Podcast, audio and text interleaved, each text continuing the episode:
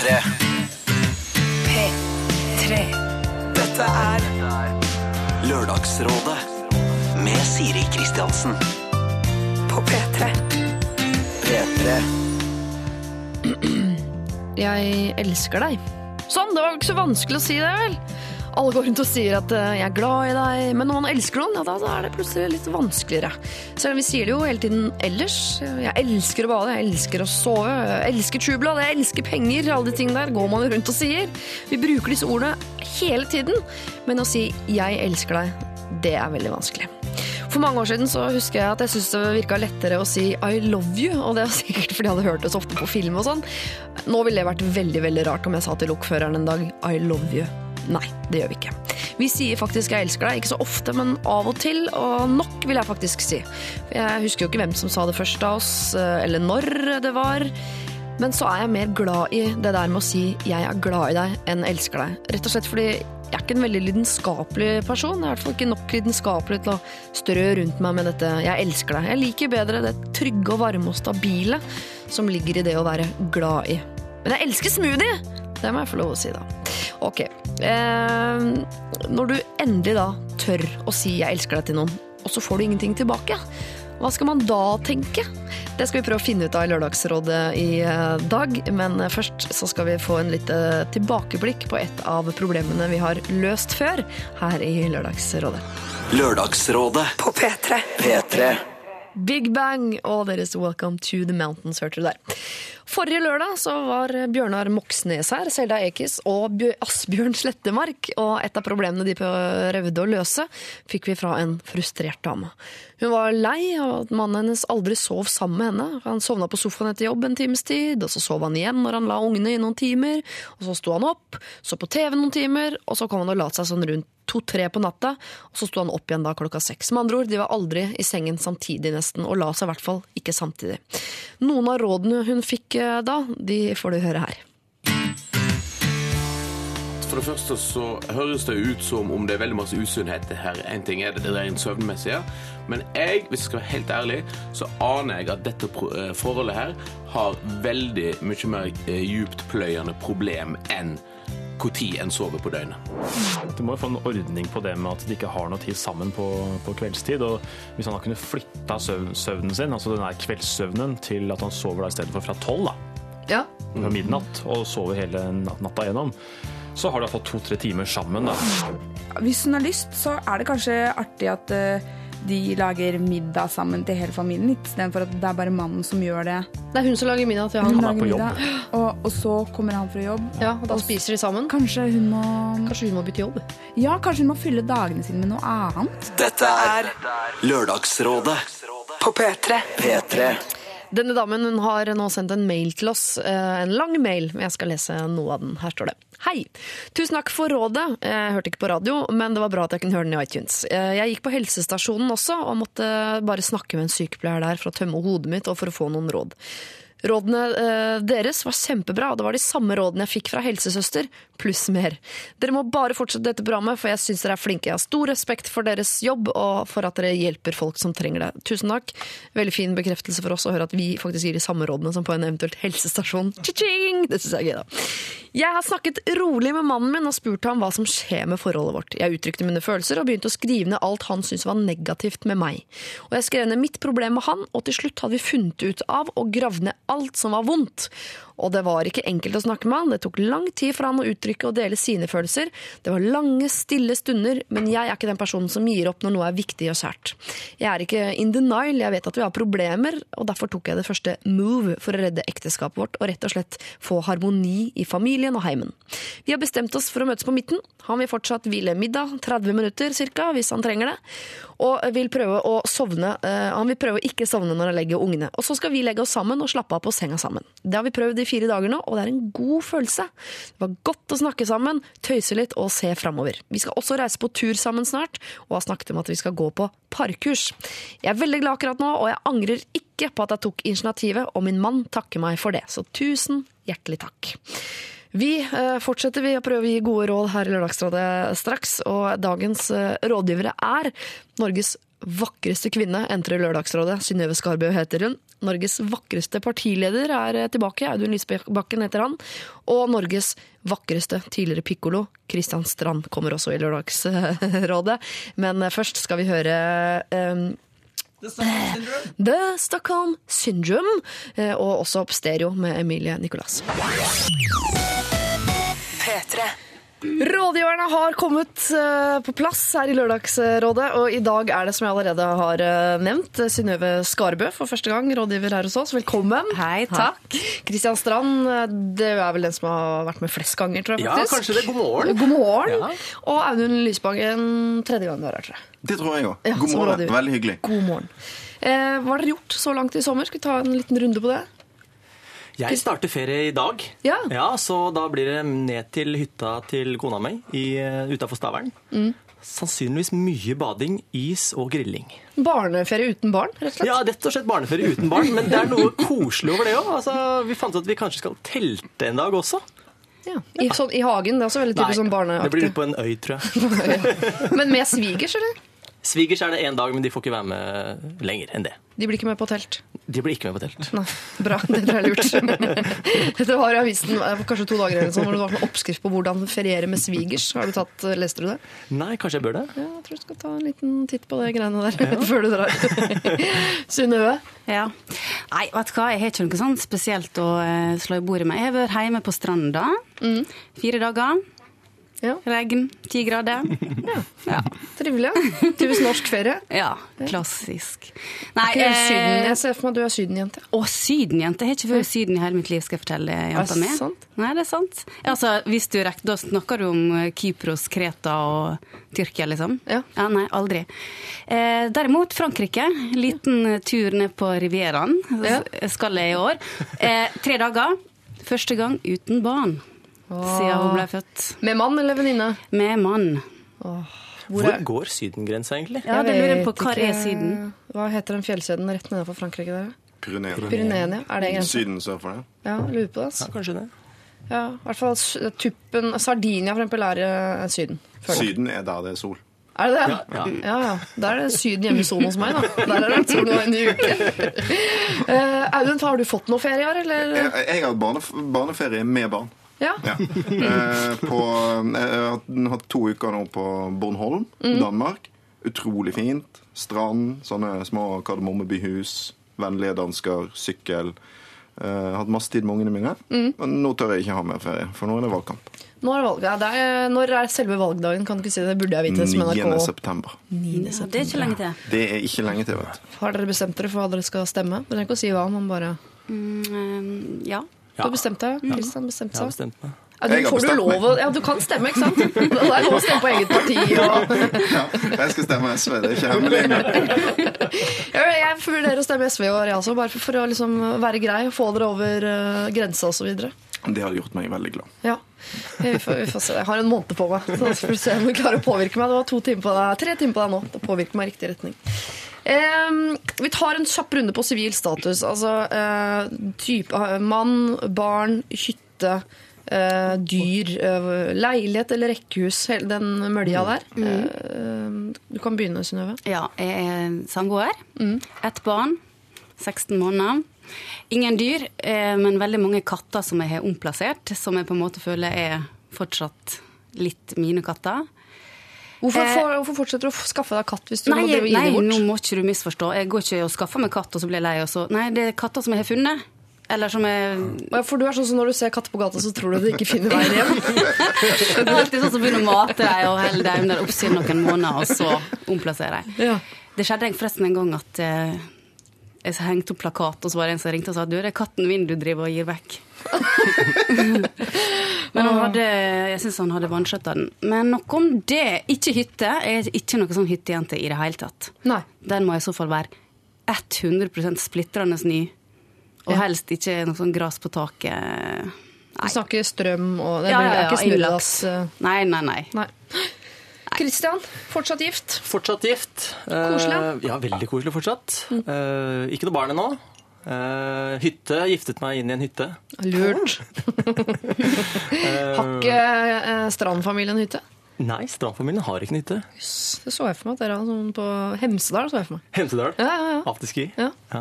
Nei, ikke det. Nei, Eh, leilighet, ikke bil. Leilighet, ikke bil. Nei. Du bor rett ned i gata her, du. Det gjør jeg. Så du kan jo egentlig gå baklengs til og fra jobb. Jeg gjør ofte det. Eh, Og Audun?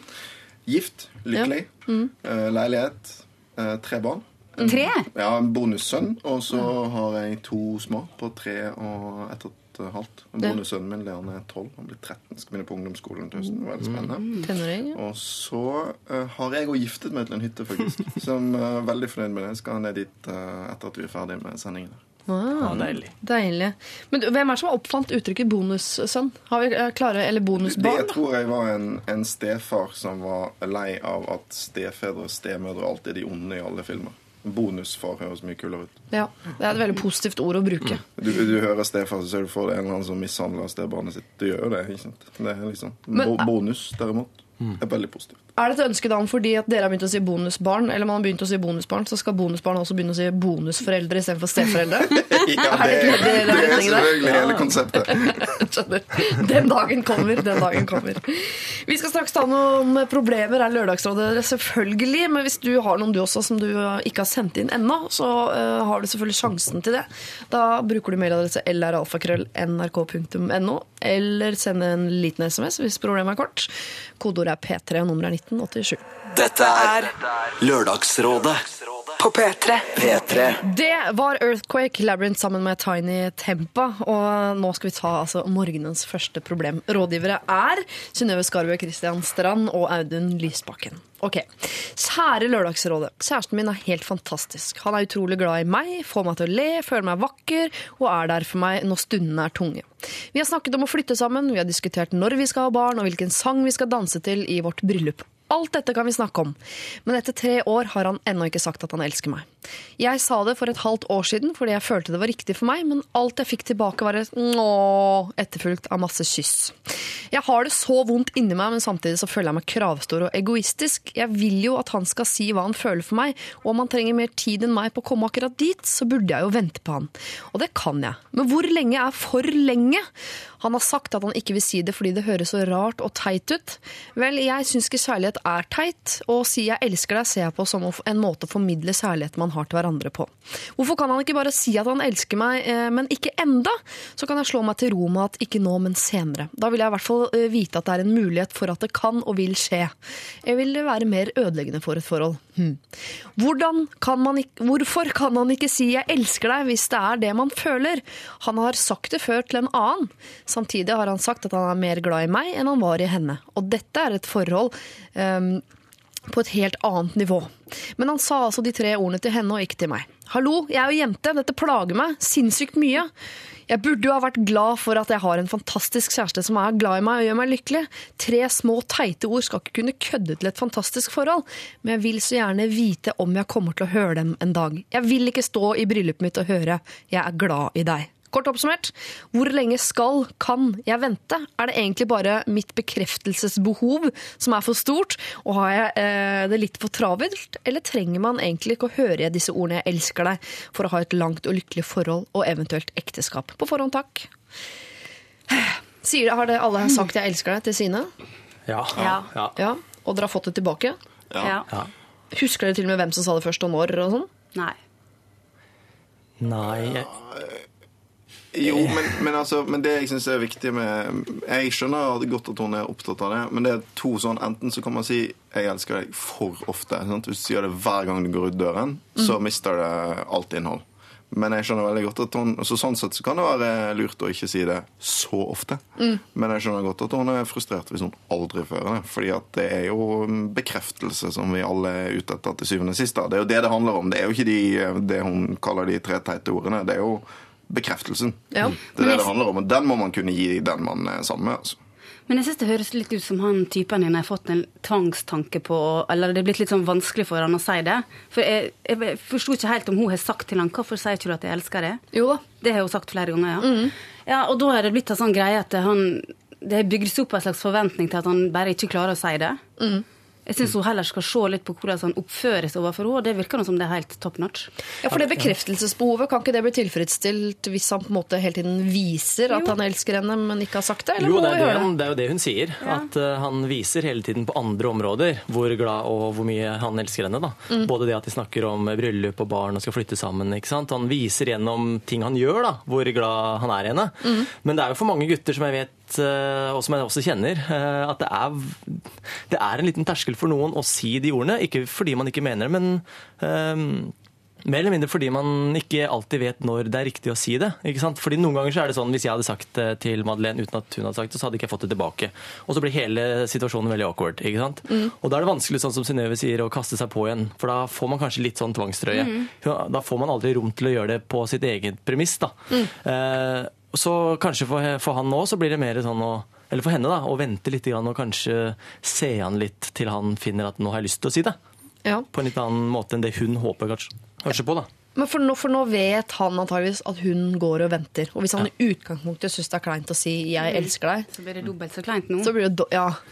Ja, Det er litt sånn som når man skal fri også. ikke sant? Hvis, ko- hvis dama hele tiden lurer på hvorfor frir han ikke. Nå skal vi til uh, Syden. uh, Ja. Nå skal vi til Maldivene. Nå, skal vi, ikke sant? nå må det skje noe. Og så skjer det ikke noe, så bare går hun. Du ser på hele henne at hun forventer noe. Da er det vanskelig. Det er mye press på den gutten da, for å liksom å levere opp til hva hun Skjønner hva du mener. Jeg tar det til meg. Jeg er jo en av de Jeg ikke bare går og venter, jeg går om det redd sånn. Jeg sier det høyt, liksom. Nå må du fri snart. Vi skal gifte oss innen 2015. Det er nødt til å fri snart. Jeg Men skal slutte altså, å mase. Sant, Det at det er kleint Sånn er det jo av og til. Ja. Eh, og jeg, eh, og det, jeg tror det er helt sant som Kristian sier, at det er mange som, eh, som har en sperre mot å si ting som kan bli for klisjéaktig, eller liksom som er litt sånn Og vi, altså, virkelige forhold er ikke sånn som de på film. ikke sant? Så det, det skjønner jeg, og jeg, jeg tror jo det kan være bra å ikke si det for ofte. Ja. Men å si det av og til det eh, kan man klare selv om, om det er kleint, tenker jeg. Fordi at det handler bare Hvis du vet at, kjæreste, at det er viktig for kjæresten din, da klarer du å gjøre det av og til. Så jeg syns hun har et legitimt krav.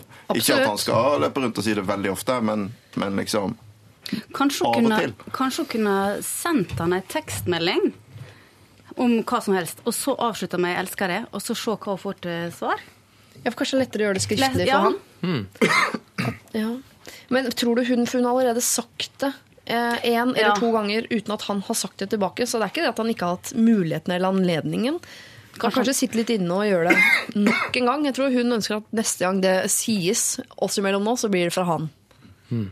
Men hvor Ja. tydelig har hun sagt det? Det framgikk ikke helt, synes jeg. Dette. Hvor tydelig har hun sagt til han at det er veldig viktig for hun at han sier det? For jeg tenker at det må være lov å sette seg ned og si sånn Hør her, det er kjempeviktig for meg at du faktisk kan si det du føler for meg, og be om det. Ja. Det er en streit ting å gjøre i et forhold, synes jeg. Men er det da man ja, Første gang han Da- sa 'jeg elsker deg' til meg, så var det fordi jeg satte meg ned og sa 'nå er det viktig'. Man vil at det bare skal liksom Ja. dumpe ut fordi man er så forelsket, eller Jeg vet ikke. Eller kanskje hun bare må diskutere seg fram til første gangen, og så andre, det er andre gangen så blir den store Jeg tror at hvis han ikke elsker henne, så vil hun merke det på andre måter enn at han ikke sier disse ordene. Ja. Ja. og det sier hun. Hun sier jo tydelig fra at, han, at hun føler det på andre områder. Ja. Men det er jo noen som er, ikke kall det følelsesmessig Hva kaller man det? Når man ikke Avstumpet. Avstumpet. Men eh, er, jeg føler ikke at han er det. Altså, det er jo ikke det der det går på. Men det er det at han ikke Han har sagt det en gang før, men han, han har en liten sperre akkurat for å si de ordene. Man har sagt det før til en annen dame Ja. som han ikke likte fullt så godt som Kanskje den han da dama har han blitt presset lenge, da, vet du. Jeg skjønner han godt det. Jeg syns det er vanskelig sjøl å buse ut med Det blir så Du føler at det er en klisjé. Jeg kan Ja. si, da jeg sa det til Madeleine første gang, så var det veldig veldig naturlig. ikke sant? Det, det Hva slags var- anledning var det? Jeg husker ikke hvilken anledning, men jeg husker at da jeg sa det Det er, det er jo på en måte en sånn Ikke sperre, men du har kommet til et nivå i, i forholdet ditt Ja. hvor jeg på en måte føler at nå er det helt naturlig for meg å kunne si det. Uten at det føles klisjé eller at det føles falskt. da. At jeg faktisk mener det jeg sier.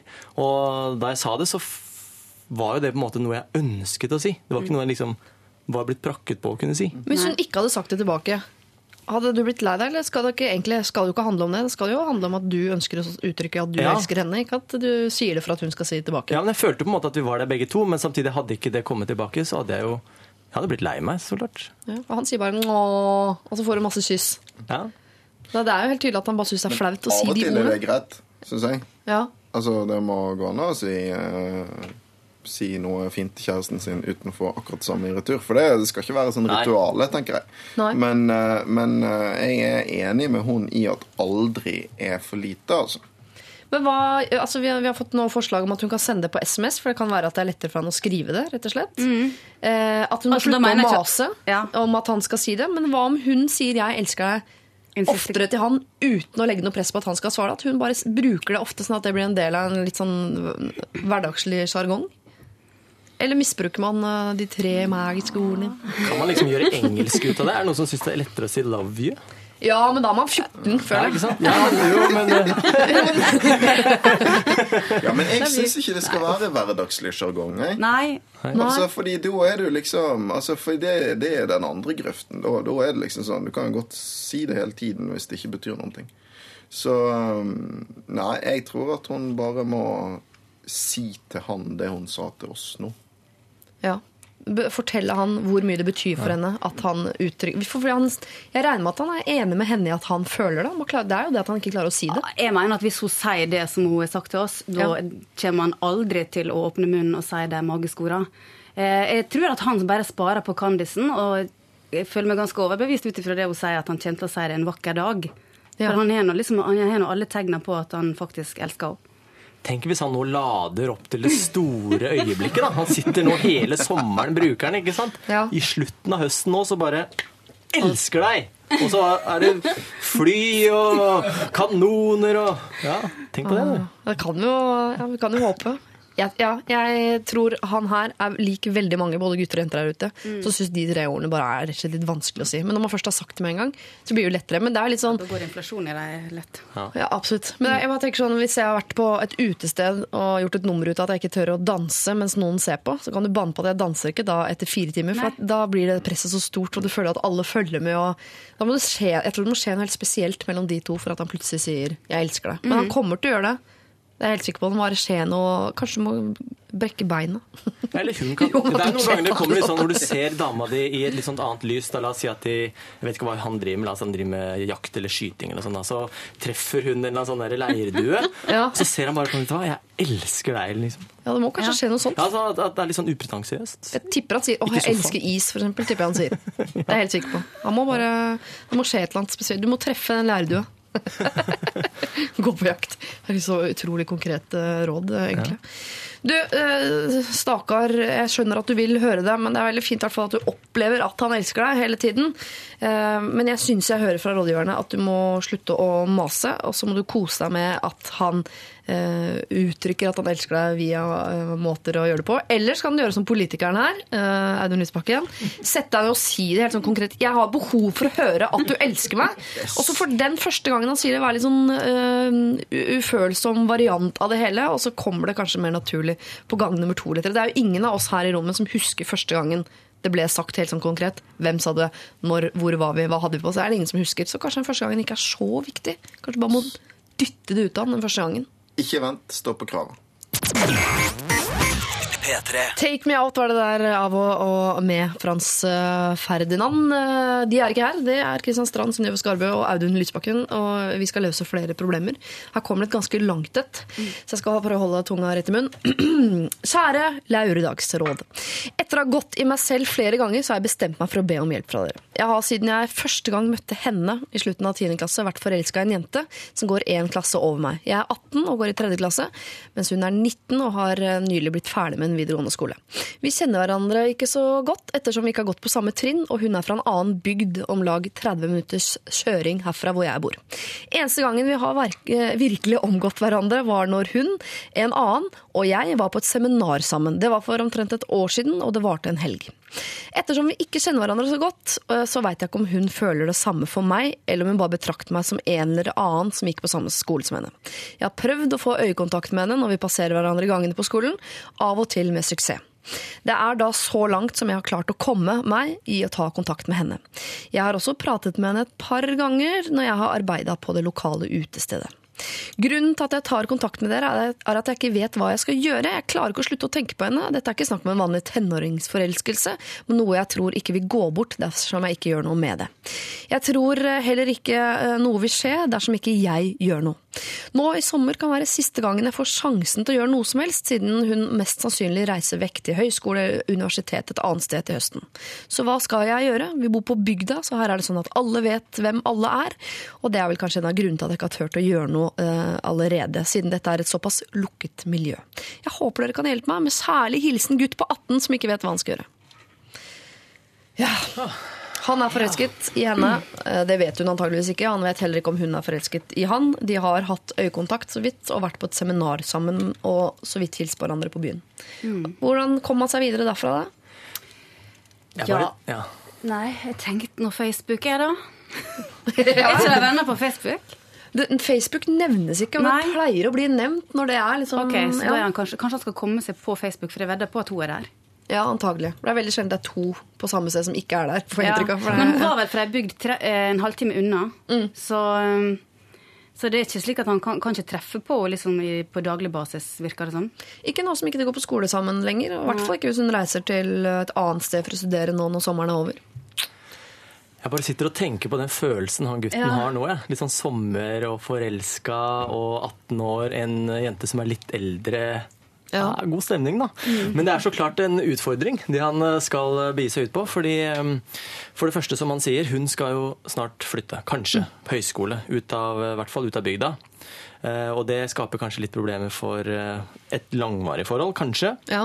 Men først og fremst er det det å kunne få kontakt med henne. da, Når de har snakket litt på klubben der han jobber, eller utestedet og sånne ting. Men Synnøve er inne på noe. altså Man har jo veldig mange muligheter i dag for å komme i kontakt med folk. da. Eh, Så Facebook er jo en ting. Men eh, jeg jeg tenker at hvis de på en eller annen måte kjenner hverandre, kanskje har de mobilnummeret, hvorfor ikke bare være rett fram? Spørre, ringe. Det er jo, Jeg tenker at det kanskje kan Hvis han er litt tøff, da. Ja. Så kan Høres det sånn ut? Ja, så kan man mm. Syns du? Ja Nei, kanskje ikke helt tøffing, da. Ja. Men han kan, han kan kanskje være litt sånn frampå med henne. Ja. Sende henne meldinger melding eller noe sånt og spørre om de kan finne på noe i sommer. Ja. Om det så er å bare møtes på dette utestedet som de pleier å møtes på. Folk er for dårlige til å be hverandre på date, altså. Det tror jeg jo. Men det er det her er jo det mest grunnleggende spørsmålet menneskeheten har balet med siden tidenes morgen. Ja. Hvordan får jeg hun jeg er forelsket i, til å bli opptatt av meg? Og, så det er en veldig stor oppgave for Lørdagsrådet å løse, selvfølgelig. Oppskriften generasjoner har lurt på dette, og generasjoner vil lure på det. Men, eh, men jeg, jeg tror det er to oppskrifter. Altså, enten altså Facebook er jo faktisk veldig lurt, fordi at det å finne et påskudd til å være på samme sted som hun, det er jo, det er jo alfa og omega. Ja. Uh, må Han må få, enten- eh, få møte henne, nei, hun må få møte han og se hvor kul han er. Nettopp. Enten må han uh, lage seg en god plan for å dukke tilfeldig opp der hun er. Hvis det er umulig, så må han gjøre det Kristian sier, eh, og det er bare rett fram. Ringe og bare si det som det er. Han har jo ikke så mye å tape, egentlig. Og Hvis han ikke gjør noen av delene, så blir det uansett ingenting av. Det verste som kan skje, er at hun sier at eh, det vil hun ikke. For nå har han gått og skult på henne på en måte i ganske mange år etter hvert. Eh, og nå er det straks for seint. Men er det noe vitt jeg bare, Er det verdt det? Hvis han nå, nå har han gått og skult henne i mange år, og sjanse for at plutselig det han sier 'jeg liker deg', så liker hun han så godt at det bare faller pladask, og alle brikkene faller ned, og, de, og så reiser For hun skal jo straks reise bort. Vi, er det nok her til å bygge et avstandsforhold på, eller skal han bare la henne reise bort til høsten og se seg om etter noe annet? Ja, Det er litt sånn som Audun sier, at hvis man ikke prøver, så vet man jo ikke noe. ikke sant? Og jeg tenker at, eh, jeg bare tenker på meg selv når jeg hører på han, hvordan jeg var da jeg var 18. Eh, og jeg valgte å ta litt sånn sjanse på akkurat sånne ting, og det endte jo både bra og dårlig, det. Eh, men da gjør man i hvert fall det, og vet at det på en eller annen måte en eller annen får et eller annet utfall. da. som Hva du... gjorde du da? Ba du på date? Gikk du bort? Ja, jeg Ringte gjorde begge deler. Ja. Jeg ba dem ut, og eh, noen ringte jeg til. Ja. Eh, det var jo ikke så mange kommunikasjonsmidler på den tida, Nei. men eh, jeg ringte. Det var fasttelefon. Fasttelefon. Og tok faren eller Og faren tok og da la det på, og så ringte du igjen. Og så, hvis ikke så måtte du gå dit og ringe på. Det var jo forferdelig. Ja. Men ja, ringte men og spurte. Ja, jeg ringte og spurte. Og noen ganger så gikk det jo fint, og da ble det jo en Tok dem ut, eller noe sånt noe. Ja. Eh, og noen ganger kan det jo gå veldig fint. Men det er som du sier, at hun skal ut og reise, kanskje. Ja. Og da Men må det jo- vet han nå ikke. Nei, jeg vet jo ikke det. Nei, det Men- vet han ikke. men Men, han bare det at han ikke vet det engang om andre, Ja, sier jo, forteller oss nå hvor lite de kjenner hverandre, Ja. egentlig. Nei, vet du hva? Han må komme seg på Facebook, det først. Og så kan han se hva hun sjekker inn, møte opp der hun er. Da ser han om hun skal være med på et eller annet arrangement, eller hva hun er interessert i, og så må han ta det derfra. Ja, men Har han tid til Dette er ikke bare Facebook et litt sånn uh, mellomledd her som kanskje bare tar tid? Hvis hun Det drar bort nå bare en time. Ja, det er sant, det. Logge seg inn der tar kanskje ikke så lang tid. Det brenner på dass, for hvis hun skal reise vekk, Ja. så er ikke det mange ukene til. Nei. Så her må han handle raskt. For han har ingenting å tape. For vi vil jo ikke ha en sånn Love Actually-scene hvor han kommer løpende til flyplassen og hun skal til Bodø. Nei, ikke sant. Nei. Særlig hvis de ikke kjenner hverandre så godt. Så Nei, kan det bli Det kan bli litt rart. rart. Og han, lurer på hvilket fly han skal på. Det blir bare rart. Ok, eh, gutt 18 som ikke vet hva du skal gjøre. Eh, det brenner på dass. Eh, ja, jeg må låne uttrykket. Liker det godt. Eh, Du er nødt til å ta kontakt. Gjerne via Facebook hvis ikke du allerede har prøvd det. Eller så må du gjøre som Christian. Ringe eller, og be på date. For her har du ingenting å tape. Du vet ikke om hun forsvinner til høsten eller om hun blir. Du vet egentlig ingenting. Nå har du gått og skjult altfor lenge. Nå må du ta tak og be henne med ut. Du taper ingenting på det, selv om det er kjempevanskelig. Men da har du selvfølgelig muligheten til å, øh, hvis hun er på Facebook, gå via Facebook. Bare møte opp på samme sted som henne. Men du er nødt til nå å ta litt mer tak enn den skulinga du har holdt på med siden 10. klasse. For det har jo ikke funka, tydeligvis. Så du må ta og uh, gire opp litt, grann, gutt 18. P3. Avicii sammen med Allo Black Wake Me Up har vi hørt, og før det også Ratchet Block Party. Eh, Du hører på Lørdagsrådet, og eh, vi har noen litt sånn lange, tunge problemer i starten her. Eh, Går det greit, Audun Lysbakken? Lange, tunge problemer er jeg egentlig vant til, altså. så det er gjerne for meg. Du har lang og tung høst foran deg, er det det du tenker på? Kristian Strand, du er jo vant til dette, du òg. Ja, ja, jeg koser meg med ungdomsforelskelser og annet. Ja. Ja, ja. Synnøve Skarbø, er du sjokkert som nyankommet i gruppa? Nei, Nei? jeg kjenner meg igjen i det meste her. Jeg. Ja, så fint. Eh, Jeg får nesten håpe at ikke du kjenner deg så godt igjen i det problemet som kommer eh, nå. Eh, Jeg leser. Hei, jeg er en jente på 22 år som har gått gjennom et langt og tungt år med psykologhjelp. Og i kjølvannet av dette har jeg begynt på medisiner. Før var jeg veldig innestengt og turte kun å treffe nye mennesker dersom jeg, det var mye alkohol inn i bildet. Og da endte jeg opp sengeliggende i flere dager etterpå med ubeskrivelig fylleangst, selv om det hadde vært en rolig kveld. Uansett, problemet mitt nå er at jeg kjenner på et enormt drikkepress fra vennene mine. Da spesielt bestevenninnen min. Jeg føler jeg har vært svært åpen om mine problemer med de rundt meg. Jeg har flere ganger forsøkt å si at jeg gjerne vil være med, men at jeg kan være sjåfør. Men det er visst ikke ok. Da får jeg småstygge kommentarer som sikter inn på å gi meg dårlig samvittighet for ikke å delta. I tillegg er det ennå et eh, moment som spiller inn, nemlig medisinene mine. De gjør at jeg ikke lenger får den glade fylleeuforien lenger. Jeg får bare de negative følelsene og følgene av alkohol, som hodepine, svimmelhet osv. Jeg syns det er kjempegøy å være med på fest som edru, selv om jeg går litt før de andre, sånn mellom tolv og to en gang. Og selv er jeg og samboeren min veldig komfortable med å avslutte kvelden rundt da, men har flere ganger eh, blitt busta i å snike meg bort. Eh, Og da får jeg kjeft og småstygge kommentarer. Jeg har også fått høre av andre venner at mine bestevenner snakker stygt om meg, og om hvor kjip jeg er som stikker av fra fest tidligere enn dem. Jeg har flere ganger foreslått å gjøre andre aktiviteter som bowling, kino, hundetur osv., men det blir sjelden noe av. Jeg syns det er gøy med fest når det er noe som skjer, bursdag, studiestart eller lignende, men vurderer nå heller bli fullstendig avholds og ta med prektigstempelet som kommer med det. Så problemet her er at jeg ikke vet hvordan jeg skal nå fram til vennene mine, da spesielt bestevenninnen min.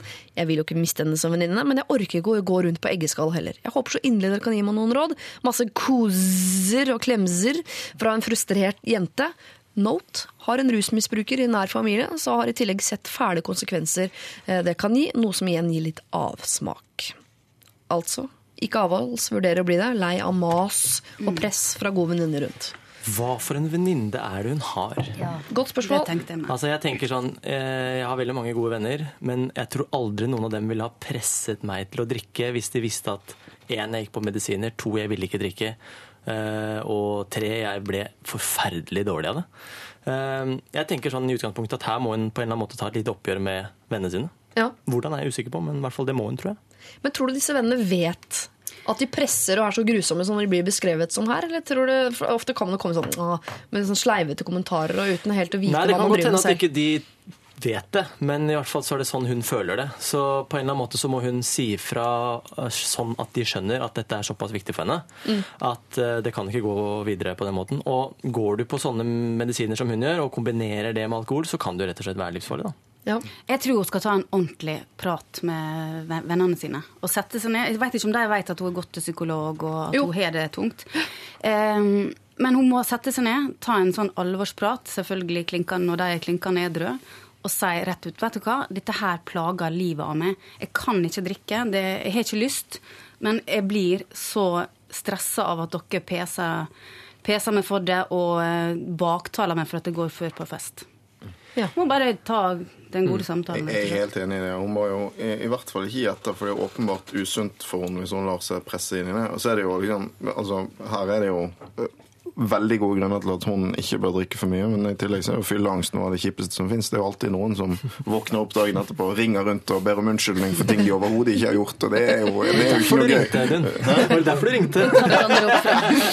så så eh, jeg er enig i det, altså. Når det er sagt, så er det jo eh, Jeg tror liksom at eh, hvis hun blir avholds, da Hun må i hvert fall ikke la være å bli avholds fordi det er prektig. For det, jeg syns det står litt respekt av de som velger deg. Hvis det er liksom fordi du finner ut at det er best for deg, så gjør det, og stå opp for det med ryggen rak. For det er faktisk av og til litt lettere, det. I sånne sammenhenger bare si nei, men jeg drikker ikke. Eh, Istedenfor å være sånn sånn nei, men jeg drikker bare litt. Eller sånn. Så, men, men, altså, men jeg er grunnleggende sett enig. Altså, Har du gode venner, så oppfører de seg ikke sånn. Punktum. Men hvis dette er de vennene hun har, så er det litt vanskelig å på en måte bare ja, gi opp alle vennene mine. Eh, Jeg kutter drikkinga. Jeg, kutter, jeg skjønner at det kan være litt mye å forlate på en gang. Så du skal forlate både uh, Spriten og spriten vennene. og vennene Det virker i hvert fall ut som at hun har en uh, samboer hun er veldig glad i. da. Som Ja. på en måte Sammen så kan de dra hjem klokka to, var det det de sa? Mellom tolv og to. Ja, ikke sant? Streit, da. Jo, det er helt streit. Ja. Så uh, mulighetene for at de to sammen kan ta et lite opp, eller ta, ikke et oppgjør, men liksom snakke med vennene sine litt grann om det, da. Ja. Det tror jeg kan fungere godt. For hun trenger ikke være alene, hun kan ta med samboeren på det. De er Mm. nok enige om at dette bør gjøres noe med. ikke sant? Men jeg opplever også at det er veldig mange som opplever eh, drikkepress. Ikke bare sånn som hun gjør når man går på medisiner.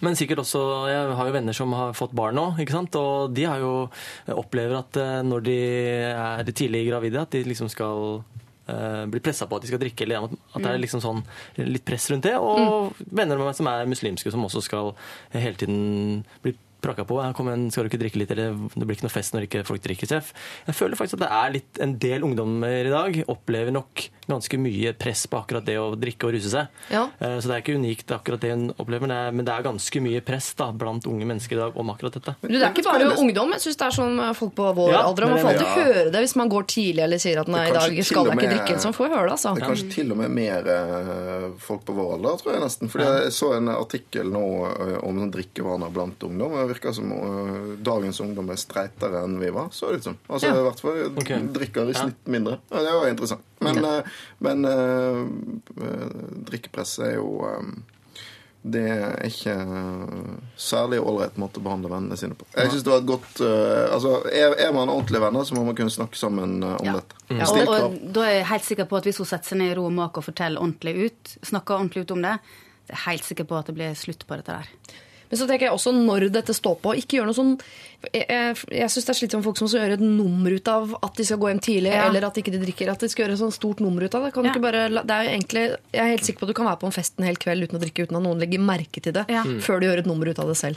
Så uh, det kan godt, uh, jeg tror det, Hun går sikkert litt varsomt rundt og er litt ekstra mottakelig for signaler og kommentarer, og sånn, Mm. og da baller det bare litt på seg. Så kanskje man også skal roe ned litt på det, men ta en sånn skikkelig prat. Mm. I hvert fall med bestevenninna. Og gi henne litt dårlig samvittighet og si uh, en gang til hva hun har gått gjennom, og at hun syns det er sårende når de driver og maser på henne på den måten der. Eh, og hvis du, ja, igjen, hvis du vil bli avholds, så er det der uh, prektigstempelet er ikke i ferd med å forsvinne. Jo, det er gammeldags. Ja, ellers kan du skryte på en sånn rockefortid. At det blei mye en stund, så nå velger jeg å roe ned. så vi litt. Kjøp deg en skinnjakke med noen frynser og noe greier. Eh, lykke til. Jeg håper det ordner seg. Og hvis ikke de vennene dine skjønner dette her, ja, så er du ung nok til å skaffe deg en ny flokk med venner. Og det er masse folk der ute. Eh, send inn problemene dine. Eh, vår adresse er lralfakrøll.nrk.no. Lørdagsrådet Med Siri Kristiansen. På P3. Ah, den låta der har jeg eh, grått så mye til. Det er en av tre sanger jeg faktisk ikke kan synge til uten å begynne å gråte. Kurt Nilsen sin 'Never Easy'. Det kan ha noe med at den sommeren den låta kom ut, så gikk jeg rundt og var litt sånn smågravid med en eller annen fyr. Ikke spør! det gikk over. Det gikk over det greiene der. Eh, sitter her nå i Lørdagsrådet ugravid sammen med eh, Synnøve Skarbø Kristianstrand og Audun eh, Lysbakken. Eh, og jeg spurte akkurat eh, rett før vi begynte å snakke nå om hva dere skal til høsten. Og da ble du litt redd, Synnøve. Ikke spør! Nei, nei ikke spør. Jeg, eh, det er ganske åpent foreløpig. Ja. Det er ikke helt avgjort. Nei. Men er det noe Kan du du si? kanskje gleder deg til? Ja. Ja, går og... Jeg gleder meg veldig til å få dattera mi i barnehagen, i hvert fall. Ja, vet du, det Kan jeg røpe. Ja. Man tror «Å, skal jeg bare se de tre timer hver dag, det er altfor lite. Det holder, det. det holder, det, faktisk. Kristian, du skal fortsette Ja, her vi, i NRK? vi fortsetter med forbrukerinspektøroppgaver. Ja. Kanskje Synnøve kunne vært en forbrukerinspektør? forbrukerinspektør? Ja. Sånn, ja. Nei, vi har stadig nye ting som eh, skal avdekkes. Så vi har mange gode saker til høsten. Ja. Så blir det litt sånn valgstoff sånn i starten. Eh, Så vi får se. Vi gleder oss. Ja. Ja. Kan dere ha en sånn 'hvordan få langt, flott, fyldig hår' som Synnøve Skarbø? Kan det være noe? Fungerer reklamen? Det er mer sånn, ja. Hun ser jo fantastisk ut, så det, ja, det kunne vært et tips. Og Audun, er vel ikke noe tvil om hva du skal? Ja, jeg skal drive valgkamp helt til 9. september. Jeg aner ikke hva jeg skal gjøre etterpå. Det kommer jo an på om de som hører på, stemmer på meg eller ikke. Hva, hvis det går helt i dass, hva gjør du da? Hva gjør du i oktober 2013 da? Jeg får ringe deg og spørre om jeg kan få være skikkelig ofte med på Lørdagsrådet. Det svarer jeg ja på forhånd. Ok. Eh, vi har fått inn en eh, mail her som jeg kan jo bare på forhånd si at jeg kjenner meg igjen i. Jeg har vært i samme situasjon to ganger og ble forbanna begge gangene. Hei! Sist lørdag var vennene mine og jeg på byen. Ganske seint på kvelden traff jeg en hyggelig jente, og vi fant tonen ganske fort. I uka som kom, avtalte vi en første date, noe jeg syntes var hyggelig. Hun sendte meg en melding hvor det stod at hun hadde lyst til å ha meg med på en presentasjon som var litt sånn ferie-reiserelatert, men som hun ikke kunne forklare nærmere. Bare at jeg måtte bli med. Jeg ble med. Og det viste seg at det eh, det, det var, var at hun ville verve meg inn i noe som var farlig likt et pyramidespill. Det syns jeg var både irriterende og dumt, og daten endte opp med at jeg satt og diskuterte med en av hennes kompiser fra selskapet i rundt to timer om hvor bak mål sånne spill er. Problemet er nå at jeg ikke vet om jeg skal ta kontakt med denne jenta igjen, eller om jeg skal la det være. Hilsen Aksel. Flere enn meg som har opplevd eh, Nei, jeg har å være med på en sånn date. Jeg synes det var en aggressiv markedsføringsstrategi. altså. Men har du opplevd det to ganger? Jeg har aldri gått på de datene, for jeg skjønner noen sier markedsfører sin egen datemat. Jeg kan ikke si så mye, bare stille opp sånn rundt åtte, halvpyntet, vi skal på noe greier, så det lukter så pyramidespill. Men Da ble jeg Ok. Jeg har hatt veldig mange kamerater som har stilt meg de spørsmålene. Og, og som oftest så er det sånn at de ringer. Eller Mm. ikke, ikke veldig gode kamerater, men de ringer og sier 'Hei, Kristian, det er lenge siden'. Du, hvordan går det sånn? Ja, sånn og sånn og sånn. Du, jeg driver med noe nytt, noe greier nå. Oh, det, det fungerer sånn og sånn og sånn. Du ser sikkert ikke hva jeg driver og skriver på, på pulten her nå. For jeg tegner nemlig sånn greie her. Men hvis vi kan møtes, gjerne hånd på håndverkeren eller lobbyen på Plaza, så kan jeg vise deg mer.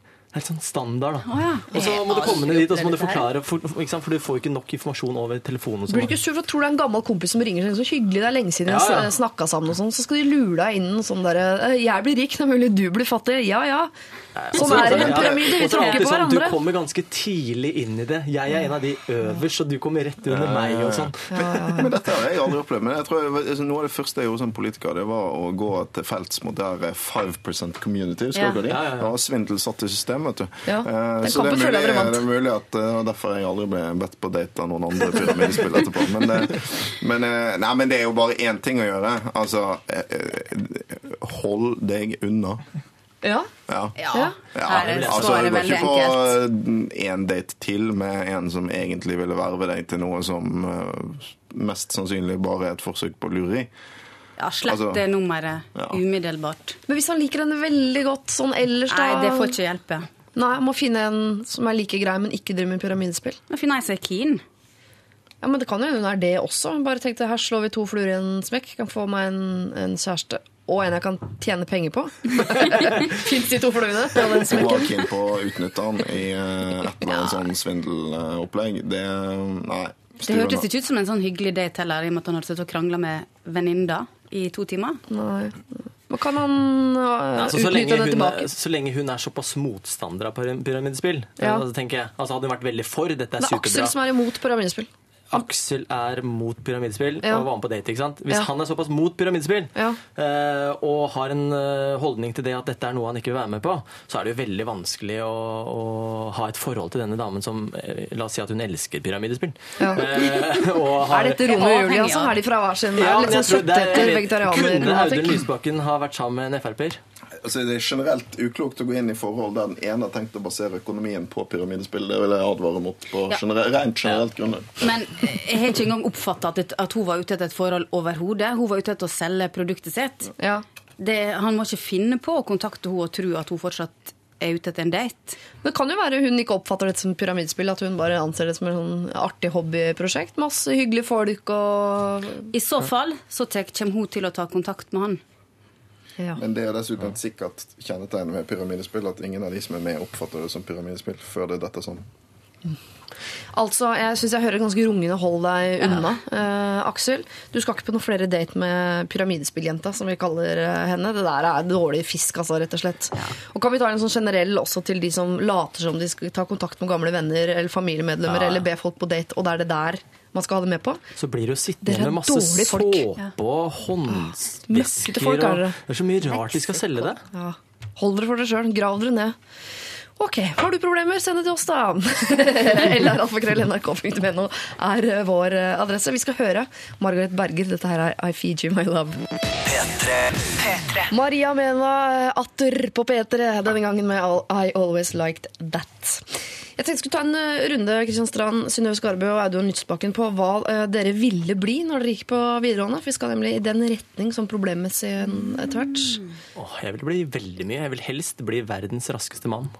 Ja, du drev med friidrett. Ja, og sprint. Men nå når jeg ser liksom Tyson Gay og Safa Powell, så skjønner jeg liksom at jeg burde ha tatt noe, jeg òg. Litt Ja. tidligere. Du ville bli narkoman, du bare visste det ikke. Tidlig alder bli narkoman. Nei, jeg drømte rett og slett å bli som Carl Lewis, da. Ja. Eh, Verdens raskeste mann. Prøvde så hardt jeg kunne. Ble i hvert fall en av Norges raskeste juniorer. Ja. Eh, Men så måtte jeg ta på meg en Hotell Cæsar-drakt og bli pikkolo.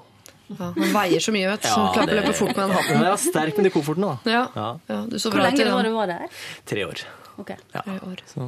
Men når du, du, hva gikk du på altså, en utdannelsesmessig? Søkte du på sprintskolen? På Nei, altså det, var faktisk, det finnes faktisk noe som heter Vang toppidrett, som driver med sprint. Hvor Ja. Kristina Vukisevic, Andreas Torkelsen, mange av de har gått. Ja. Eh, der får du faktisk allmenn, vanlig allmennfag.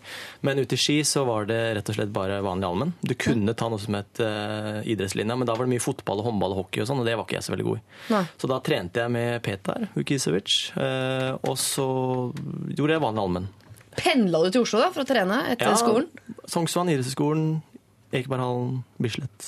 Så jævla fornuftig. Jeg hadde vært så stolt hvis du var sønnen min. Veldig sånn ensomt individuelt, da. Det er det jo. Ja. Til tider. Mm. Men jeg synes du til stadig snakker jo om vennene dine, så det ser ut som det ordna Ja, ja. seg. Jeg har venner. Synnøve, hva skulle du bli når du ble stor? Eh, det var vel skuespiller jeg trodde jeg skulle bli. Ja. Gikk du på noe sånn Nei, overhodet ikke. Aldri gått på noe som helst. Og jeg har ikke talent i den retning. Så Hva baserte du det på da? bare at jeg hadde lyst på TV og ja, i det hele tatt. Er du glad for at det ikke var så mye sånn Idol og sånne konkurranser som gikk på TV på den tida der? For da hadde Veldig. For jeg, kan, på en jeg hadde meldt meg på absolutt alt. absolutt alt. Men du har aldri hatt noe sånn 'jeg skal bli veterinær' eller du har sånn skuespiller? Mm, jo, jeg har hatt veldig mye annet også. Ingrid Espelid skulle overta ta hennes sitt eh, domene. Var det interessen for TV eller mat som var eh, Nei, det var matlaging. Men dette her var da jeg var ti år. Ja. Jeg har ikke talent til å lage mat heller.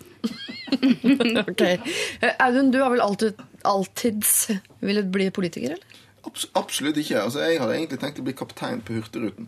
Uh, det er jo de fineste skipene i Norge. sant? Ja. Uh, og jeg er vestlending, og det, det drømte jeg om da jeg var liten. Men da jeg begynte på videregående, så hadde jeg justert det til at jeg hadde lyst til å bli journalist. Ja. Den drømmen gikk jo også i uh, Men jeg, i det minste så får jeg jo snakke med journalister ganske ofte. Men hva med sirkusartist? Ja, men det har jeg gjort, Ja. faktisk. Har du?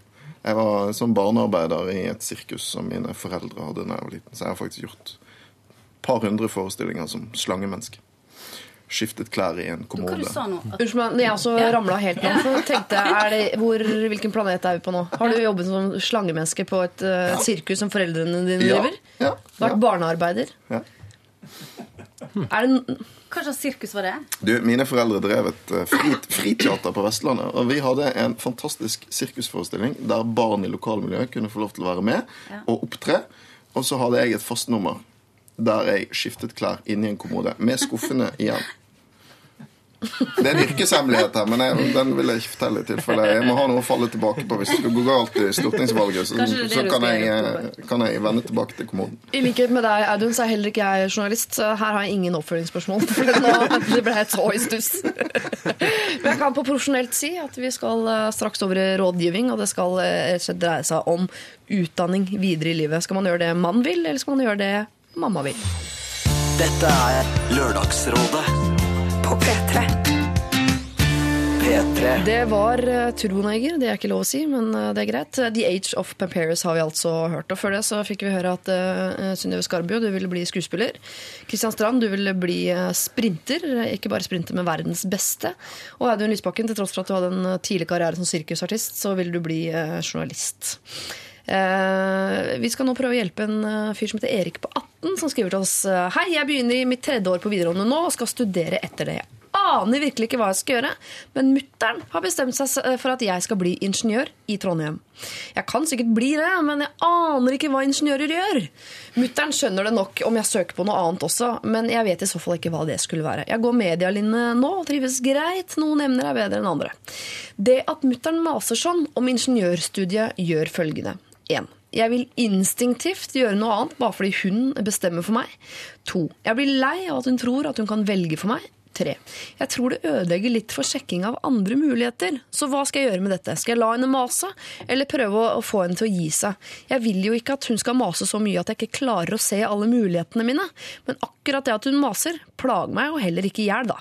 Kall meg Erik, 18. Ja, Erik, moren din har lest aviser. Fordi Norge trenger ingeniører. Ja. Eh, og det har hun sikkert fått eh, med seg. Og at man eh, er sikret en jobb etter endt utdannelse. Så det er helt sikkert hun fått med seg, og det er helt riktig. Men det er jo som han sier, at det er jo helt feil hvis han ikke én aner hva en ingeniør gjør. Det betyr at han ikke har noen forutsetninger for å være flink i yrket.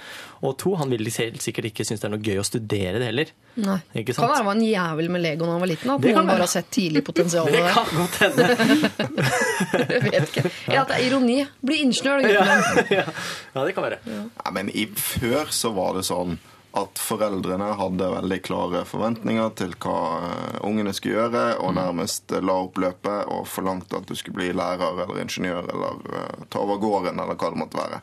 Ikke sånn nå, vet du. Nå velger ungdom sjøl. Så det han skal si til sin mor, er eh, jeg vil gjerne få lov til å bestemme det her sjøl. Slutt å mase. Og så eh, får han finne ut om det er ingeniør han vil være, eller hva som helst. Men for guds skyld ikke begynne på en utdanning fordi din mor sier at du skal gjøre det.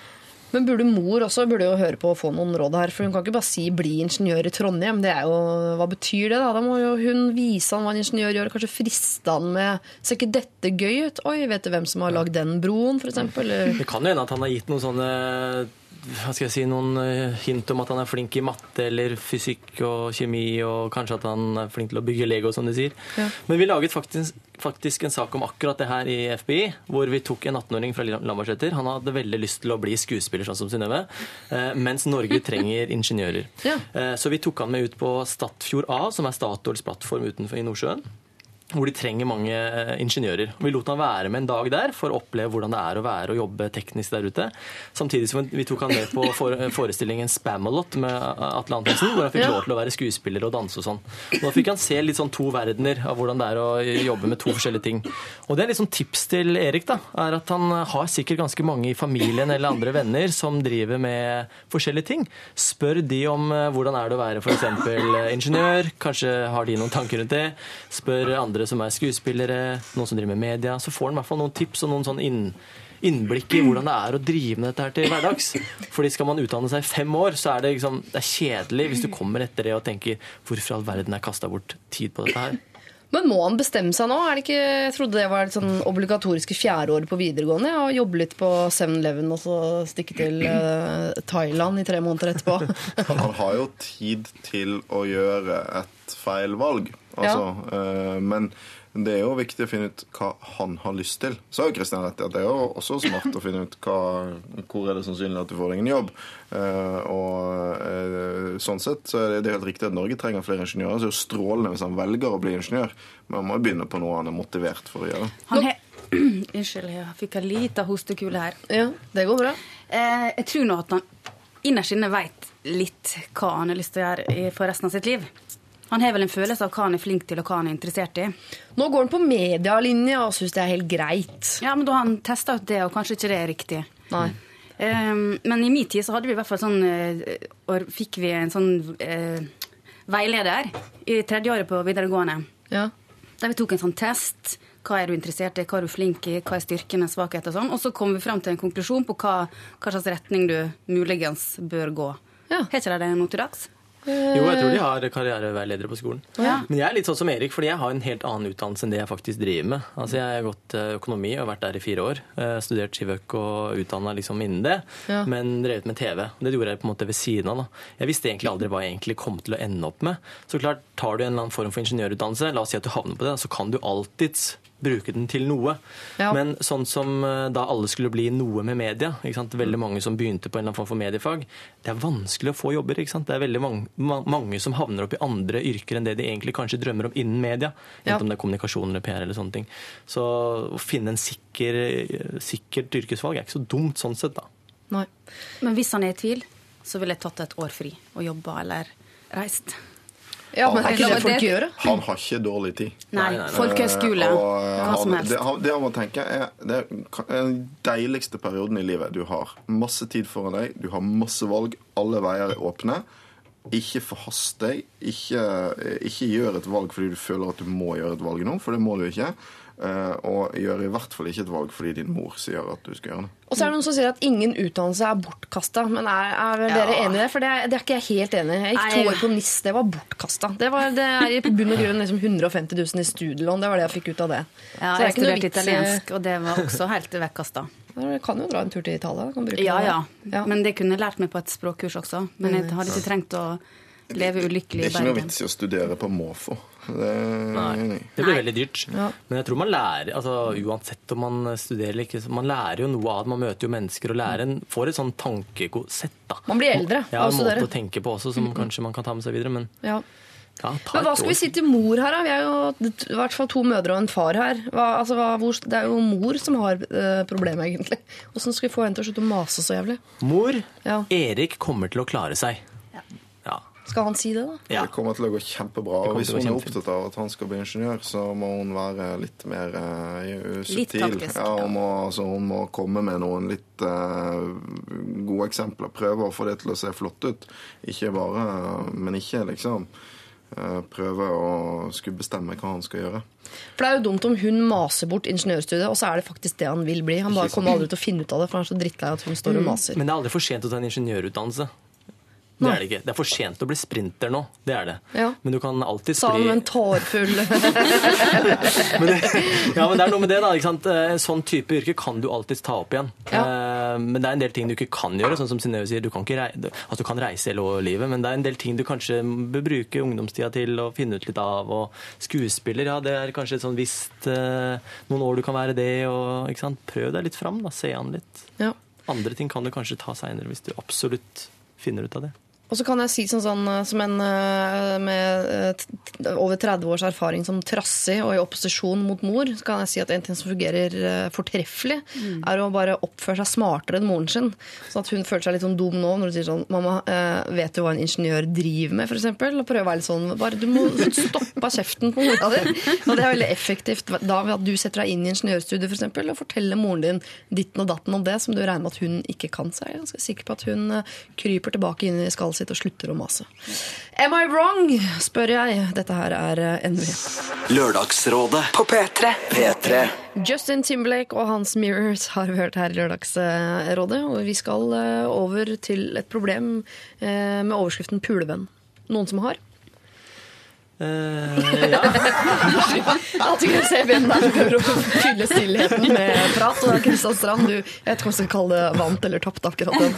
Eh, Synnøve Skarpaas og rådgiver, og det er også Audun Lysbakken. Eh, Og jeg leser Hei, Lørdagsrådet. Jeg er en jente på 27 år som har veldig lyst til å ligge med en spesiell gutt. Gutten det er snakk om, er i min bekjentskapskrets, og jeg tror ikke det hadde vært et problem for meg å få han med seg hjem, da vi både er flørtende og fysiske når vi er sammen. Han er kjekk og smart, men også såpass uaktuell for meg som kjæreste, og dermed perfekt som pulevenn. Og det er jo det jeg ønsker meg, da. I tillegg har jeg hørt fra andre at han er ganske god i senga. Og her kommer problemet. Jeg kjenner altfor mange som allerede har ligget med han. Det er allmennkunnskap at han ligger mye rundt, øh, og han forteller lett vennene sine om hvem han har hatt seg med. Selv om jeg ikke har et problem med å være et nummer i rekken, så vil jeg ikke at folk skal vite at jeg er det. Jeg har ikke lyst til å ses på som nok en av de jentene der. Så spørsmålet mitt er til dere, kan jeg bare fortelle han at ja, jeg vil gjerne ligge med deg, men jeg vil ikke at andre skal vite det. Eller skal jeg bare gi F i at folk eventuelt ender opp med å få vite det? Jeg tenker instinktivt at folk ender opp med å få vite det uansett. Ja. men men eh, dette er helt ny, eh, litt sånn ny problemstilling for meg. For det der med pulevenn føler jeg kom rett etter at jeg eh, ble voksen. Det er litt nytt. Det var ikke så mye sånn pule, arrangerte pulevenner eh, da jeg var sånn eh, i 20-åra. Eller? Nei. Jeg, Eller har jeg levd i en osteklokke? nei. jeg kjenner heller ikke Eller til var det. jeg stygg? Nei, altså Jeg har aldri hatt en sånn pulevenn. Altså sånn som kun er eh, en du ligger med. Ja, av en eller annen grunn så har det alltid havnet opp med at man en, får en eller annen form for følelse for en eller annen person. Ja. Det, det kan jo godt starte veldig fysisk, da, at man er tiltrukket, ikke sant. Eh, og, men allikevel veldig sånn avgrenset til at det akkurat er det, har jeg aldri vært med på. Men eh, hun, ja, altså, hun velger seg jo en sånn Don Juan.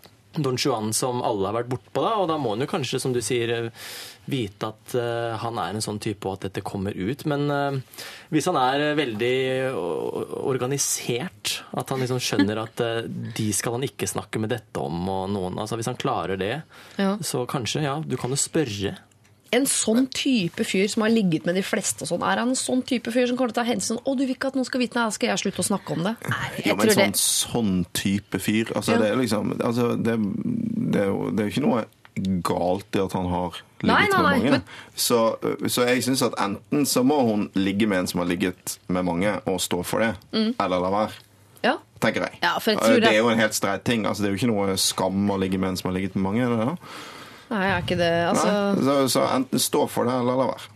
Ja, jeg tror at hvis hun går for han her, og det er nå han hun har lyst å ligge med, så må hun bare gå, ta med på kjøpet at da veit alle det. ja. Men er det så nøye? Jeg er ikke bli På indie på Nei. ligginga. At man skal bli sånn Nei, jeg skal bare ligge med den som ingen andre ligger Altså, Det er ikke noe vits i. Ja, nå har hun fått eh, referanser på han, og de er bra. Og... Så det er nå bare å peise på, mener jeg. Hvis at hun... Men da må hun ta med på kjøpet, som sagt, at menigmannen veit det. Men så er jeg litt usikker på om det der konseptet pulevenn egentlig fins på den sånn greie like til måten som det er lagt fram her. Fordi ofte hvis man er venner, så blir det lett litt mer komplisert enn som så. Sånn som Christian sier. Så i hvert fall så eh, hvis dette er en person som hun er venn med, så må man jo alltid ta med i beregningen at det, eh, det å begynne å ligge med hverandre kan komplisere ting.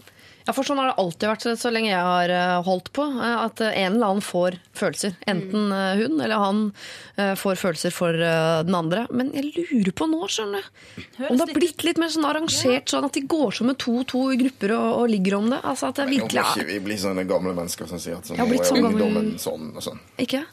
Tror du det? Nei, jeg vet, ja, jeg syns bare jeg hører ordet pulevenn veldig ofte som sånn begrep.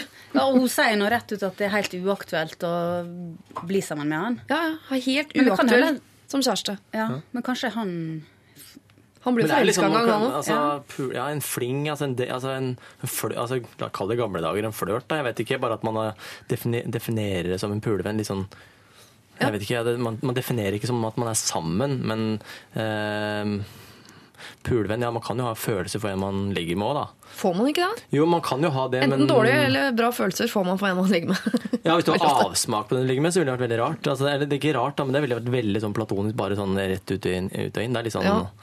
uh, Jeg vet ikke hva man kaller det, men ja. Nei, men det, det er ikke en del av problemet. Da. Du har lyst til det, og da får vi bare stole på at det er det du vil. Og hvis han også vil det, så kjø peis på, som Synnøve eh, sier. Eh, men det er en del av pakka, eh, faktisk, at folk får eh, vite om det. Og eh, kjenner jeg jenter rett, så forteller ikke han om det til folk, så kommer han antageligvis til å gjøre det sjøl, er jeg ganske sikker på. Så det der, skal du stå i det, så får du stå i det med begge beina. P3 er kodeord nummer er 1987 hvis du vil sende oss en eh, SMS med ditt problem, eller så sender du mail, det er jo tross alt gratis, da. lralfakrøll.nrk.no. Her får vi høre Marion Ravn. Dette her er eh, Driving. Dette er Lørdagsrådet På P3. P3. Marion Ravn, Jeg blir glad på Marion Ravn sine vegne, faktisk, når jeg hører denne driving-låta. Hun er jo veldig flink, og så har hun kanskje liksom humpa og hakka litt av gårde de siste årene, men nå, den låta der, der satt den, da, Marion. Hun er medvind nå etter Ja, er det ikke det? Jo. Og veldig sommerlig låt. da. Veldig sånn sommer... Gifta seg og Jeg kan jo bare si Vi har elektrikere og rørleggere og sånn gående hjemme hos oss om dagen. Og det er ikke mange dagene siden det var intet mindre enn to av arten mann i alderen eh, 35 pluss som gikk og sang på denne driving-låta. Sånn, Det er skikkelig fint. Så er det sånn, Digger dere. Marion Ravn, gutter? Å, er det Marion Ravn? Så ble jeg litt kjempeflaue da med en gang. Men det gjorde de altså. Ok, eh, Fra kjøring til sykling, faktisk. Fordi vi har et sykkelproblem her i Lørdagsrådet nå. Og det står Hei! På den andre sida av gata der jeg bor, står det en tilsynelatende forlatt sykkel. Det ene dekket er punktert, og det ser ut som om kjedet er litt ute på sykkeltur.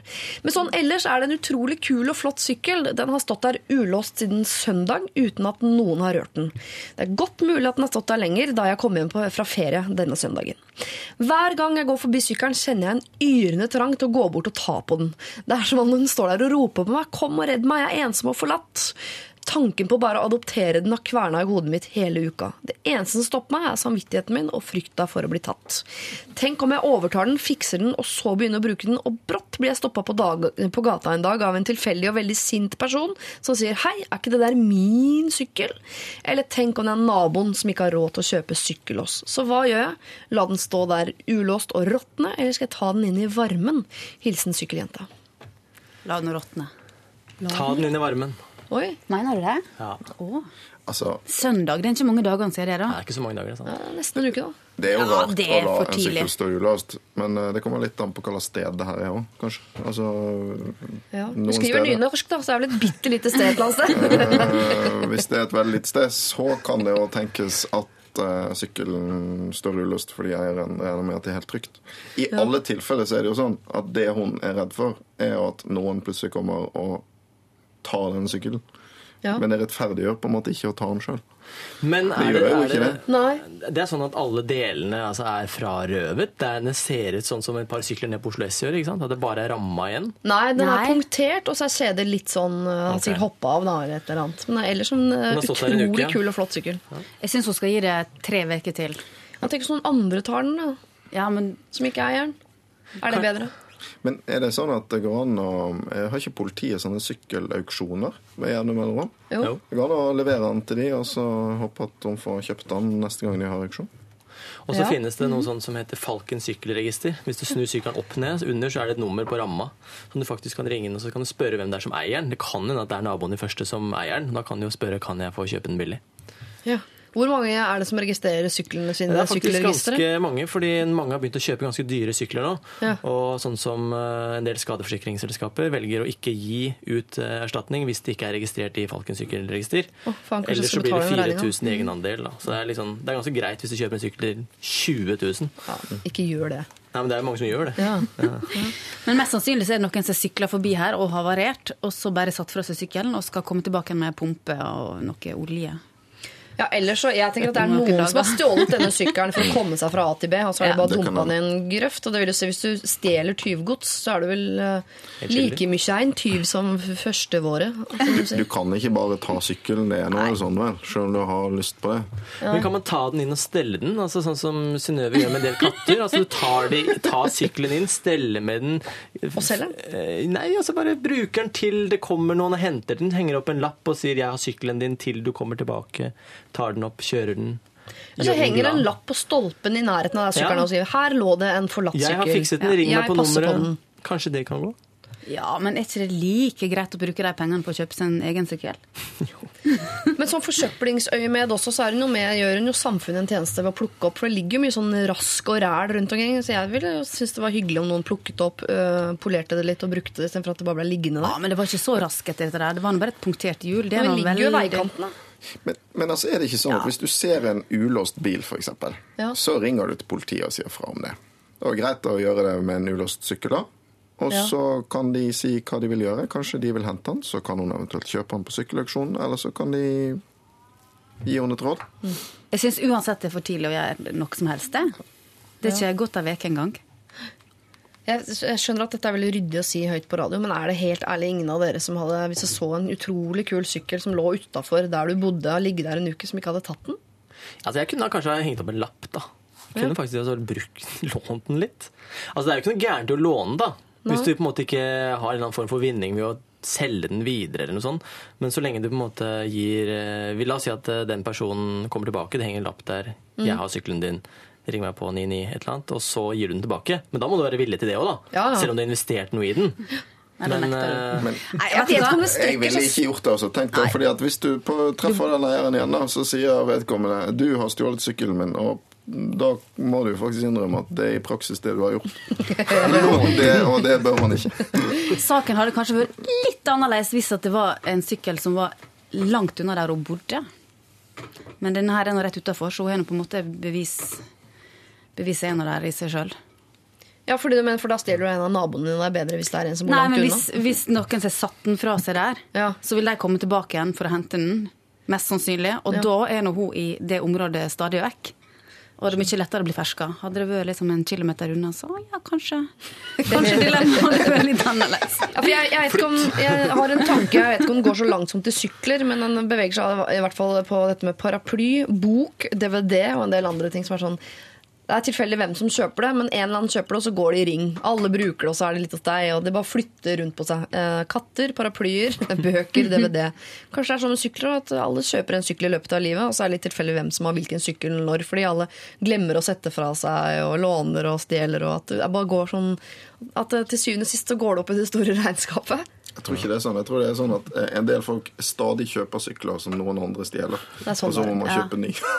det er dessverre sånn det er. For jeg har stjålet én sykkel og lånt en annen, men jeg har også blitt frastjålet en del sykler. Altså.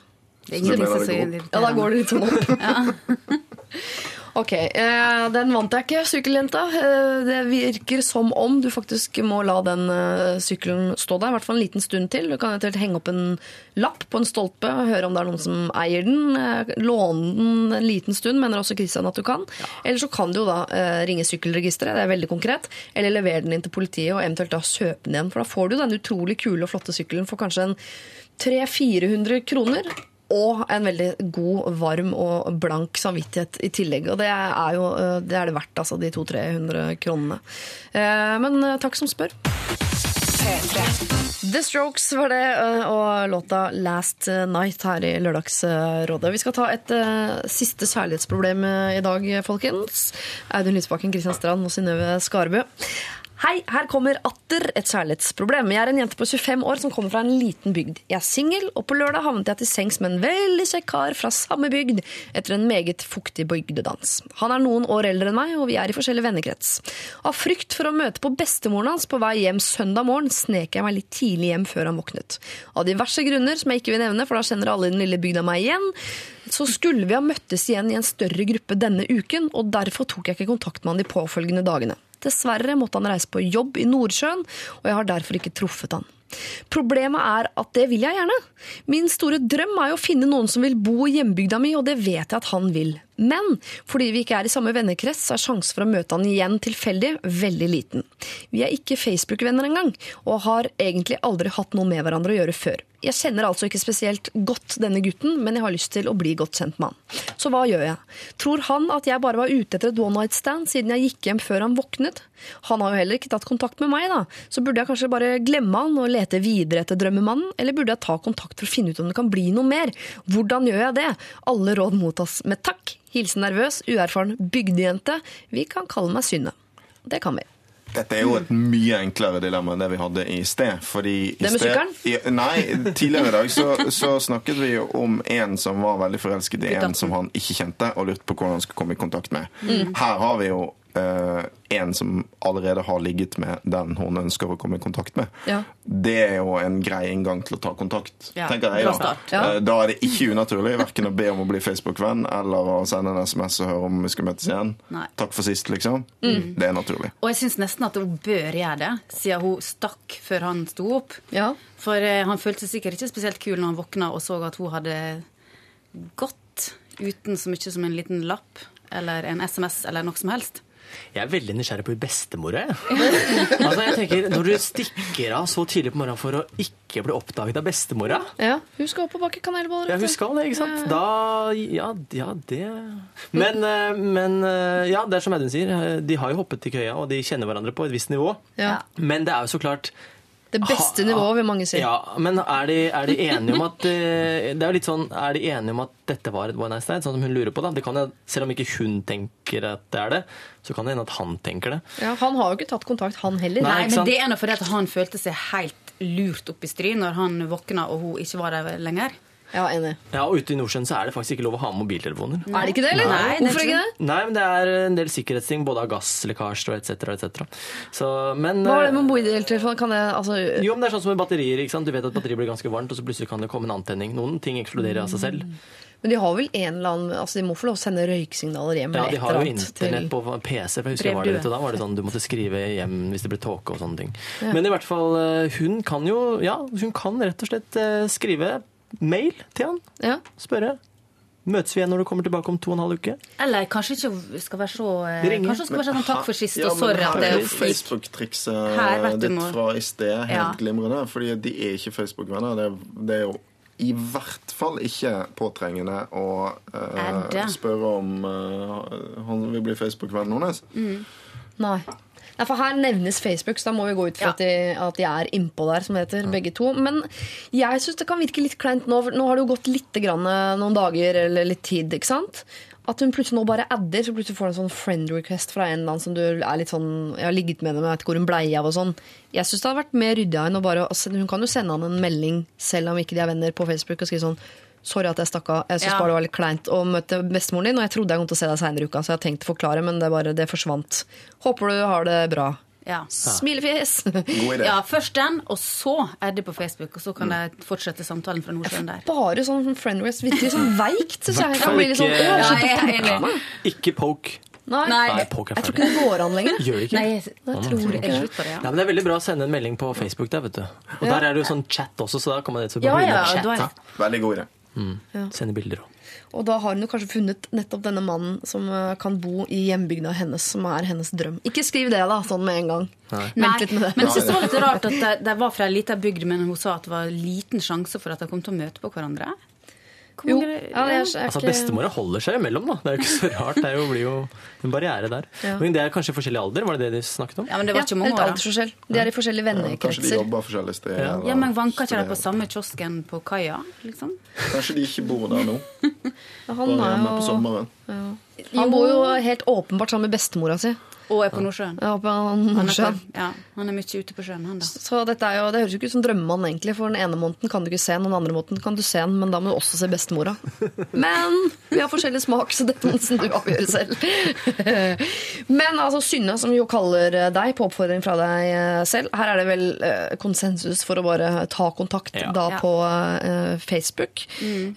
og forklare hva som skjedde, med litt sånn smilefjes, litt sånn kjekk og grei tone, og så ta det derfra. For det er helt på sin plass at det er du som tar kontakt når det faktisk var du som stakk av. Det kan jo være han føler seg dumpet og forlatt der han sitter våt og gasslekkasjeødelagt ute i Nordsjøen et eller annet sted. Stakkar. Det var Stakkar. Oljefjæra, du vet. Sånn. P3. Dette er Lørdagsrådet med Siri Kristiansen. Spis din syvende sans, synger de gutta i eh, Carpe Diem. Og vi skal eh, dele ut en T-skjorte. Eh, Kristian Strand, Synnøve Skarbø og Audun Lysbakken. Jeg skal si hvem det er som er kandidatene i dag, og så kan dere bare følge eh, mave, hjerte eller hode. Det er helt valgfritt på hvem det er av disse som skal få en T-skjorte i dag. Altså. Eh, vi eh, starter rett og slett med jenta som hadde sagt til kjæresten sin 'jeg elsker deg', men bare fått tilbake Nå, og masse kyss. Men hun trengte altså å høre de tre ordene tilbake. Eh, Så har vi eh, denne gutten som er eh, veldig forelsket i en jente. Han har vært det siden 10. klasse, og han er redd for at nå etter sommeren så drar hun bort på universitet eller høyskole et annet sted, og ønsker da å få formidlet til henne i løpet av sommeren at han er forelsket i henne. Vi har en jente som har hatt et år med litt sånn depresjoner og går nå på medisiner, men føler at hun er blitt presset til å drikke av vennene sine i festlige lag, og ønsker å få sagt fra om det. At det funker ikke nå. Går på medisiner og har ikke lyst. Vi har en gutt, Aksel, som trodde han ble bedt på date av en jente han møtte på byen. Det viste seg at han prøvde å bli lurt inn i et eh, pyramidespill, og var usikker på om han skulle ta kontakt med henne igjen. Nei, sa vi til det. Ikke gjør det, Aksel. Mamma, slutt med masinga, er det en eh, som eh, sier han har en mor som gjerne vil at han skal bli ingeniør, og det i Trondheim. Selv aner han ikke hva han vil bli når han blir stor, og er redd for at masinga kan eh, tåkelegge han, sånn at han slutter å se hvilke muligheter han har. Pulevenn er en overskrift blitt. Det er da en jente som vet hvem hun vil ha som pulevenn. Det er bare det at han har ligget med veldig mange andre, og hun er usikker på om hun vil at det skal bli kjent at hun også ligger med han, og da blir bare et nummer i rekka. Det må du bli. Vi har den ensomme sykkelen, eller da en som tror at hun kanskje burde eller kan ta den sykkelen som har stått ulåst og litt sånn småødelagt utenfor hos henne nå den siste uken, men sliter jo da med samvittigheten som følger. Og til slutt, bygdejenta som har møtt bygdegutten, eh, men hun måtte eh, dra tidlig om morgenen for hun var redd for å møte bestemor, og har ikke sett han siden og redd han sitter med liksom feil inntrykk eh, av henne fordi hun bare forsvant, og nå ønsker hun å ta kontakt. Gjør det. Hvem eh, skal få T-skjorte? Det er mange, mange Ja, bra mange kandidater her. Altså. Hun Ja. som har veldig lyst på sykkel, kan jo ta på seg T-skjorte hver gang hun får litt sånn abstinenser. Ja. Eh, den jeg kjenner jeg godt med mest i hjertet, det er han 18-åringen som er forelska i på tredje, på tredje året. Ja. Det er ei som ikke veit om det, som skal flytte fra bygda. Ja. Eller fra nabobygda, rett og slett. Eh, han føler jeg trenger ei sånn oppmuntring til å faktisk ta kontakt med henne. Trenger et lite spark i rumpa, rett og slett. Men å være 18 og sommerforelsket er jo eh, herlig òg. Så det er ikke så synd på han. Det er ikke så herlig jeg. hvis at ikke vedkommende vet om at du er forelska i, og du ikke aldri ser henne. Nei, nei, men nå har vi jo mm, en slags plan for ja. Jeg, jeg syns at det var litt Jeg hadde litt eh, Jeg eh, tenkte på hun som venter på at typen skal si at han elsker henne. Eh, Hun eh, fikk jeg litt sympati for. Men i tillegg så Det er mulig at skjorten bør gå til hun med sykkelen. Jeg føler jeg var litt streng med henne, så hun måtte ikke ta sykkelen. Sånn, Så kanskje hun kan få en T-skjorten som en slags Eller kompensasjon. han, eh, han Erik også, han som har en mor som maser litt. Ja. Ikke sant? Man- Før så sa man litt sånn der, 'talk to the hand'. Nå kan du bare ta på deg skjorta, så kan mor snakke til Lørdagsrådet. Ja, Lørdagsrådet er enig med meg. Ikke sant? Lørdagsrådet er enig, så slutt å De er eldre enn deg totalt sett. ingeniørgreiene. Nei, det er mange gode, Det er altså. kult, Kristian, for da har skjorten en funksjon Ja, som kan være en del av løsningen på problemet. Ja. Ja, men det kan jo han eh, 18-åringen også gjøre. Ta den på seg og si 'se her'. eh, Se hvor hot det er. Jeg ringte Lørdagsrådet for å få eh, Man blir hjelp. relativt hot i den T-skjorta, Det gjør Mm. skal. Han har jo vært innom alle. Så vi Ikke Nordsjø og bygdedansjenta? har ikke vært Nei, men der føler jeg at eh, hun den, Den kommer til å løse seg. Ja. Ja. Ja. Den er i boks. De blir sammen, de. Ja, Ja, det er liksom. det blir det. Koselig, da. Det blir bryllup. Dere må bli enige, altså. For, Ja. Ja. Skal vi la Jomfru Lørdagsråd-deltakeren få en dobbeltstemme? Ja, ja. Ok, da eh, forærer vi T-skjorta til gutt 18 som er så skitforelska. Og han må si det nå i løpet av sommeren. Ja, det er forutsetninga for at T-skjorta havner i postkassa hans. Ja. T-skjorta kommer, jeg tipper sånn uh, mandagaktig, er vel den i postkassa. Og da innen helga, eh, neste helgen, så, må hun vite at du er forelsket i henne. Eh, vi vet jo ikke hvordan det går, men hun skal i hvert fall vite at du er forelsket i henne. Mm. det har du nå lovt. det har du nå lovt. Eh, jeg ønsker deg lykke til i høst, Audun eh, Lysbakken, med valgkamp. Tusen takk. Eh, Kristian ønsker deg lykke til i høst med flere artige krumspring Ja, nede i. Puls-redaksjonen. Ja. Nå sier jeg det igjen. Jo, men det er ikke så Hvorfor langt sier jeg. Nei. Men det er fordi du er sånn ved- det idrettsfyr. Nei, men det er stolen ved siden av. Det er jo puls. Ja, det veit vet ikke, jeg har aldri vært der nede hvor er dere sånn det er, sitter. sånn og- er. Men det er på løpinga di at jeg tenker ja, er at du driver med puls. F. BI for svingende. Eh, Og Synnøve Skarpe, lykke til. Jeg håper eh, at du får til det du ikke vet hva er for noe ennå. At det blir skikkelig kult. Mm. Ha en fortreffelig lørdag videre. Lørdagsrådet på P3. Disclosure sammen med Aliza Doolittle, som jo høres ut som en uh, musikal, egentlig. I hvert fall det er noe med Doolittle. Høres også ut som en uh, film med Eddie Murphy. Uansett. You and Me heter uh, låta. Eh, Dagens lørdagsråd er eh, over. Det betyr at vi eh, om få strakser fins i iTunes, og du kan laste ned hele sendinga og høre den om igjen, eller fra starten hvis ikke du fikk med deg hele. Eh, og så ligger det et nydelig bilde av dagens rådgivere som vanlig på vår Facebook-side, som du selvfølgelig kan gå inn og meske deg med så mye som du vil. Og send gjerne inn ditt problem til oss. Bruk vår mailadresse, det er gratis. lralfakrøll.nrk.no. Og så vil jeg avslutte dagens lørdagsråd akkurat som jeg åpnet den. Da var det vanskelig, nå har det blitt lettere fordi det blir andre gang. Jeg elsker det. Vi avslutter med Foster the People. Dette her er Pumped Up Kicks, og så høres vi igjen om en uke. P3 Dette er Lørdagsrådet på P3. P3. Hør flere podkaster på nrk.no podkast. P3.